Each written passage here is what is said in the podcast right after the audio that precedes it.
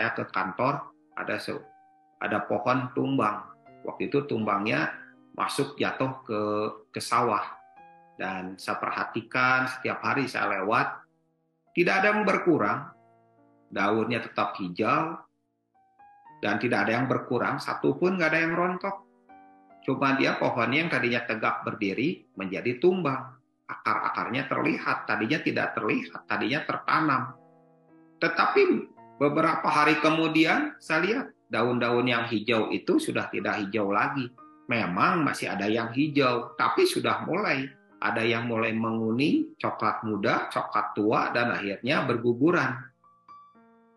Selembar demi selembar, dan satu dahan demi satu dahan, ranting demi ranting, akhirnya pohon itu gundul, tidak berdaun.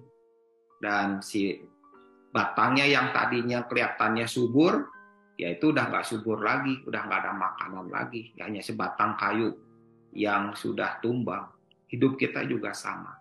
Ketika seseorang mulai tumbang, daunnya tetap, buahnya tetap, segala sesuatunya tetap, tetapi posisinya tumbang. Itu bahaya. Dan lambat atau cepat, kesegaran yang ada itu hanya kesegaran sisa yang ada dalam pohon itu. Jangan punya kesegaran lagi. Yang ada adalah yang tersisa, seperti handphone baterai yang ada dalam handphone itu lambat atau cepat akan berkurang karena memang sudah tidak ada tidak tertancap lagi dan pohon itu akhirnya lambat atau cepat ketika energinya mulai berkurang, makanan di dalamnya mulai berkurang, kehidupan di dalamnya mulai berkurang, semuanya